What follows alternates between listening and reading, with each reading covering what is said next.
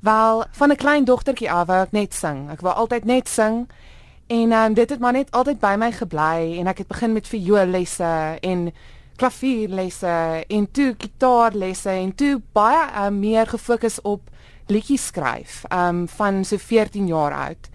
En um ek het my eerste liedjie wat ek geskryf het was 'n Afrikaanse liedjie met die naam Alles. En ek het um dit ingeskryf vir die ATKV O, oh, jemmel Expo. Ek dink dit was die Expo. Ons kon dit inskryf op skool. En toe het ek dit gewen en uh dit was vir my net 'n uh, hupstoot en toe die, toe die gogga my gebyt en toe wou ek net aanhou. En um van daar af um na skool het ek toe inligtingontwerp gaan studeer aan die Universiteit van Tikkies en ek het daar my honeursgraad gekry. En um, ja, dit was 4 jaar wat nogal 'n rowwe 4 jaar was en ek het net net studeer. Ek het nie baie tyd aan musiek spandeer nie, maar daar was wel projekte wat ek altyd bietjie my musiek gebruik het of uh, as daar 'n animasie was het die het die vroutjie gesing en dan ek haar sang oefeninge daar uitgehaal. En ehm um, ek het ook aan die serenades deelgeneem daar. So ek was betrokke by musiek, maar nie so baie nie. Maar my droom was nog altyd daar. Dit het nooit nooit weggegaan nie. En ek het toe na universiteit het ek toe begin werk in die advertensiewêreld en dit was my bietjie harde realiteit. Dit was nie so opwindend soos wat ek gedink het nie. En ehm um, musiek het my maar gered. Ek het baie musiek geluister terwyl ek op die rekenaar gewerk het en ehm um, dit het my baie inspireer en ek wou net so graag ook musiek skryf en my eie ding doen en of net saam met mense musiek skryf. En toe kry ek hierdie wonderlike geleentheid om om saam met uh Jude Harpstar Le Fleur te begin. En Le Fleur is 'n harp en vocal duo. En ons het 'n ongelooflike mooi EP saam opgeneem en um 'n hele paar jaar het ons saam opgetree en uh ja, dit was 'n ongelooflike of is 'n ongelooflike projek en mense het baie goed daar daaroor gereageer of teenoor dit gereageer. En dit het my verskriklik baie geleer, jy weet van die musiekbedryf en ook net van hoe om 'n EP te approach of om 'n album te approach. En van daar af het ons besluit om bietjie uitmekaar te gaan en meer op 'n solo, ons albei het toe meer op ons solo projekte gekonsentreer. En dis toe waar sy gebore word. As mens dit so kan sê. En uh ek moes nogal bietjie hard werk om mm, uh meer tyd te spandeer aan my tweede instrument wat gitaar is en uh, ook elektriese gitaar, want my eerste instrument is my stem. So ek het uh, baie hard gewerk om dit te verbeter en het weer privaat lesse geneem. Ek neem nou nog uh, privaat lesse om dit beter en uh, te verbeter en uh, ek wil net graag beter raak en beter raak. Want um, dit dra baie by tot my liedjies skryf en uh, ja, ek wil graag 'n uh, fully rounded musician wees. En dit help met live performances en en toe het ek myself baie gepush en uh, begin om 'n YouTube channel oopgemaak en um, ek het begin met live sessions en uh 'n hele paar mense uh, weet ek bymekaar gekry om my te help om dit op te neem. Ek het dit daar by Antimotion Studios gaan opneem. En uh ons het ek het begin met 'n cover en toe het ek ook een van my eie liedjies opgeneem en dit release en dit was die eerste ons sal sê dit was die eerste bekendstelling van sy aan die publiek. En van daar af het ek begin om ook live te perform by markte en by ander uh by ander live venues en dit het my goeie hupstoot gegee en bietjie experience my confidence geboost as 'n solo performer.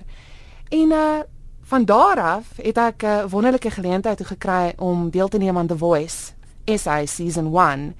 En daar het ek uh het ek tot by die tweede ronde gekom tot by die battle rounds en ek was in Kaan se span. En ja, dit was 'n ongelooflike en opwindende ervaring met um the good, the bad and the ugly. En uh ja, ek het verskriklik baie geleer daar van die musiekbedryf, die die mooi en die lelik. Maar uh ek dink ja, dit het my bietjie ook meer exposure gegee aan die publiek omdat my musiek is gewoonlik 'n bietjie meer dis nie so kommersieel nie. Um, alhoewel ek probeer streef daarna om so klein bietjie meer kommersieel te wees sodat men, meer mense my musiek kan hoor. Maar ek was nog altyd baie erg daaroor dat ek ek moet voel dat dit truthful is en ook dit moet ja, dit dit moenie geforseerd voel nie. Ehm um, uh so ja, ek is ek hou daarvan om dit meer in op 'n artistic manier te approach. Die meeste van die tyd skryf ek maar oor persoonlike ervarings, ehm um, observasies. Ek ek kyk observeer baie mense en ehm um, dit dit klink baie klisjé, maar die beste tye wat ek skryf is wanneer ek nie so ongelooflik positief voel nie of nie, nie wanneer ek so bietjie meer onttrek van die samelewing. Ehm um, ek skryf maar ja, ek skryf maar oor verhoudings. Ek skryf ook oor my geloof kom ook baie daarin. Ek is 'n Christen, dit kom ook baie daarin. Alhoewel ek nie altyd dink te doen nie, maar as ek weer daarna luister dan staan dan staan iets daarin. Ek ek luister, ek lees ook verskriklik baie. So ek kry ook baie inspirasie deur boeke. So as ek dit met opsom, ek, ek skryf oor oor gevoelens wat ek self voel, oor mense wat ek observeer en dan ook verhoudings. Ja, ek dink dis dit. Ek dink dis dit. Ja. En jy sê jy die, jou heel eerste liedjie wat jy geskryf het toe jy bug toe jy 14 was as in Afrikaans, maar nou sing jy en skryf jy slegs in Engels. Hoekom? Ek het net nog altyd meer aangetrokke gevoel tot die Engel Engelse musiek.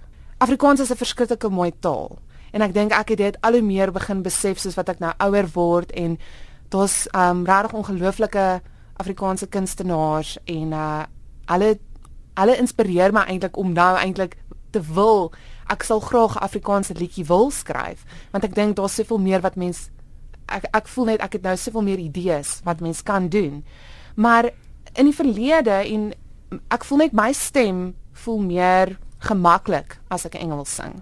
Afrikaans is vir my, ek sal sê ek kan in Afrikaans sing, maar ek sing meer gemaklik in Engels en ek skryf makliker in Engels. Ek weet nie hoekom nie dit is net dis net hoe dit vir my is. nou jy sê jou jou genre is nie kommersieel nie. Hoe sal jy jou musiek dan opsom? My musiek sal ek sê um is adult contemporary, maar daar's baie um invloed van van film, filmmusiek en ek dink ook my musiek is baie ethereal ek weet nie altyd of 'n mens 'n genre op my musiek kan sit nie. Ek was nog altyd verskriklik teen die die idee van 'n genre want in vandag se dae omdat daar so baie uh musiek is en daar so baie hoe kan ek sê mense wat musiek maak. Ek voel mense kry so baie inspirasie en jy hoor so baie verskillende goed dat dit word half amper so mengelmoes van verskillende genres. So ja, as ek sou sê adult contemporary um filmesk, cinematic um in ja, gemeng deur akoestiek en electronic sounds. Ek wil gou vir 'n oomblik teruggaan na The Voice toe. Jy het gesê jy het verskriklik baie daar geleer van die goed en die sleg. En jy het ewe skielik soveel kykers gehad en soveel mense wat na jou geluister het en toe jy nou van die van die The Voice af en toe moet jy nou weer teruggaan na jou normale dag tot dag ja. gewoontes. Was dit moeilik geweest? Ek sal sê ja, dit is moeilik want jy kry ewe skielik baie aandag. En ek, ek is nie eintlik iemand wat vreeslik baie van aandag hou nie, snaaks genoeg. Ek uh, wil sing en al daai dinge, dis bietjie ironies. maar jy jy raak al bietjie addicted aan dit. Ongelukkig. So jy moet jouself baie in toom hou dat jy nie groot kop raak nie. Dit is moeilik omdat jy weet of nie eintlik wat om met jouself te doen daarna nie. So jy moet half eintlik wat ek gedoen het is ek het half eers bietjie stil geword, bietjie myself eers weer gegather en net mooi gedink wat wil ek doen? Wie is ek as 'n kunstenaar? Uh wat wat is wat is die sound wat ek wil hê? Uh wat is die prentjie wat ek na buite toe wil wil stuur? Uh en dit het my rukkie gevat. Ek gaan nie jok nie. Uh ek het dit was my groot leerstelling toe die toe die toe ek uit uitgewoud is. Ja, dit het my rukkie gevat om weer op my voete te kom. Maar ek dink elke keer, jy weet, as jy 'n teleurstelling het, dan maak jou sterker en volgende keer as mens weer aan sweets deelneem, as mens sou of as ek 'n uh, ander teleurstelling het, gaan ek baie gouer opstaan. Hmm. En uh ja, mense, vriende en jou familie is maar jou jou steunpilare en ook jou geloof. My geloof is ook maar my my steunpilaar. Het dit iets gedoen aan jou selfvertroue as 'n musikant, as 'n kunstenaar en as 'n skrywer? Dit het my selfvertroue baie geboost toe ek deel was mm. daarvan. Dit was ewe skielik van, o, oh, okay. Ek het nie altyd geweet ek het gehoop ek kan hierdie doen, maar nou glo daar ander mense in my. Okay, weet nou met ek nou met ek gaan daarvoor. Maar nadat dit het bietjie, dit het bietjie myself selfvertroue bietjie geknou. Dit het my, soos ek sê, dit het my rukkie gevat om weer dis eintlik hartseer om te sê maar om weer lief te word daarvoor om te sing. Want ag ja, daar daar gebeur mos maar altyd maar goedjies agter die skerms. Ja, maar my selfvertroue is nou weer baie baie sterk. Hmm.